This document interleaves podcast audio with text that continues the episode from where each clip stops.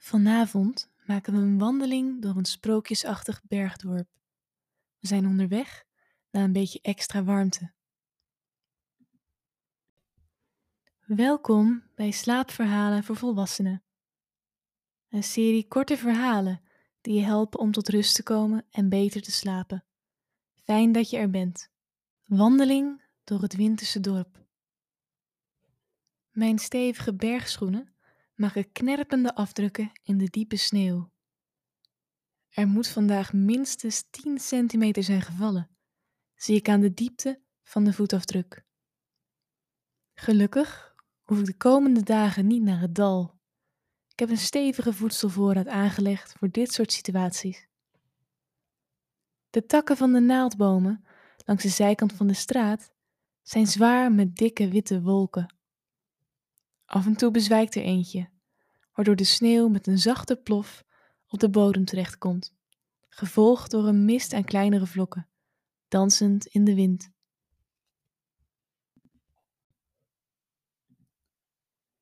Ik ben met de slee aan de hand onderweg van mijn chalet in de bergen naar mijn houtvoorraad aan de rand van het bos.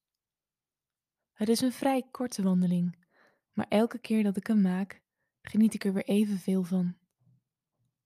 Hoe anders was mijn leven een jaar geleden, toen ik nog in het drukke Nederland woonde en mijn benen onder me vandaan liepen in het ziekenhuis.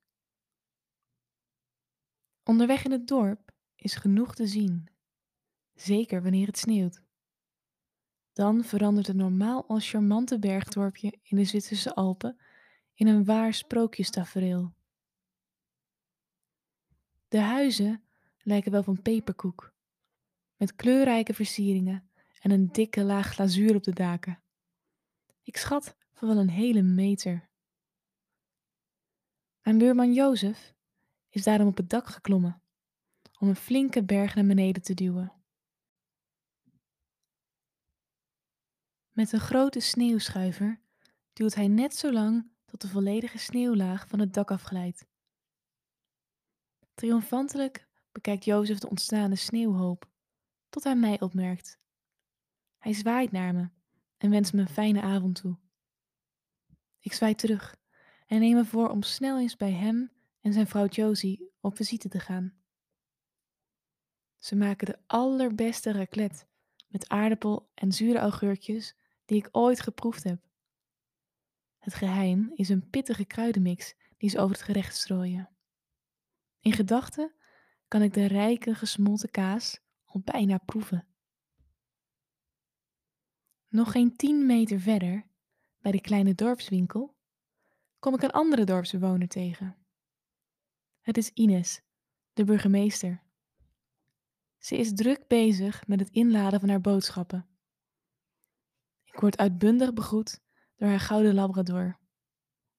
Hij springt tegen me op om zijn favoriete knuffel te laten zien. Een versleten beer met maar één oogje. Ines komt direct overeind om zich te verontschuldigen, maar ik verzeker haar dat het niet nodig is. Ik ben dol op dieren. Het laatste stuk van mijn tocht gaat langs het bos. En door de beschutting van de bomen is de sneeuwbui hier minder zwaar. Terwijl de vlokjes langzaam naar beneden dwaggelen, kom ik aan op mijn bestemming. Een flinke schuur, bijna tot de rand gevuld met stevig hout. Het valt me ineens op hoe ongelooflijk stil het is op deze plek. De rust is weldadig. Doordat ik mijn fantastisch geïsoleerde jas van de skischool draag, heb ik het totaal niet koud. Ik stapel een flinke berg op mijn slee en geniet nog even van deze schitterende plek. Ik neem een diepe, frisse ademteug en dan keer ik langzaam huiswaarts, waar een warm vuur wacht op versterking.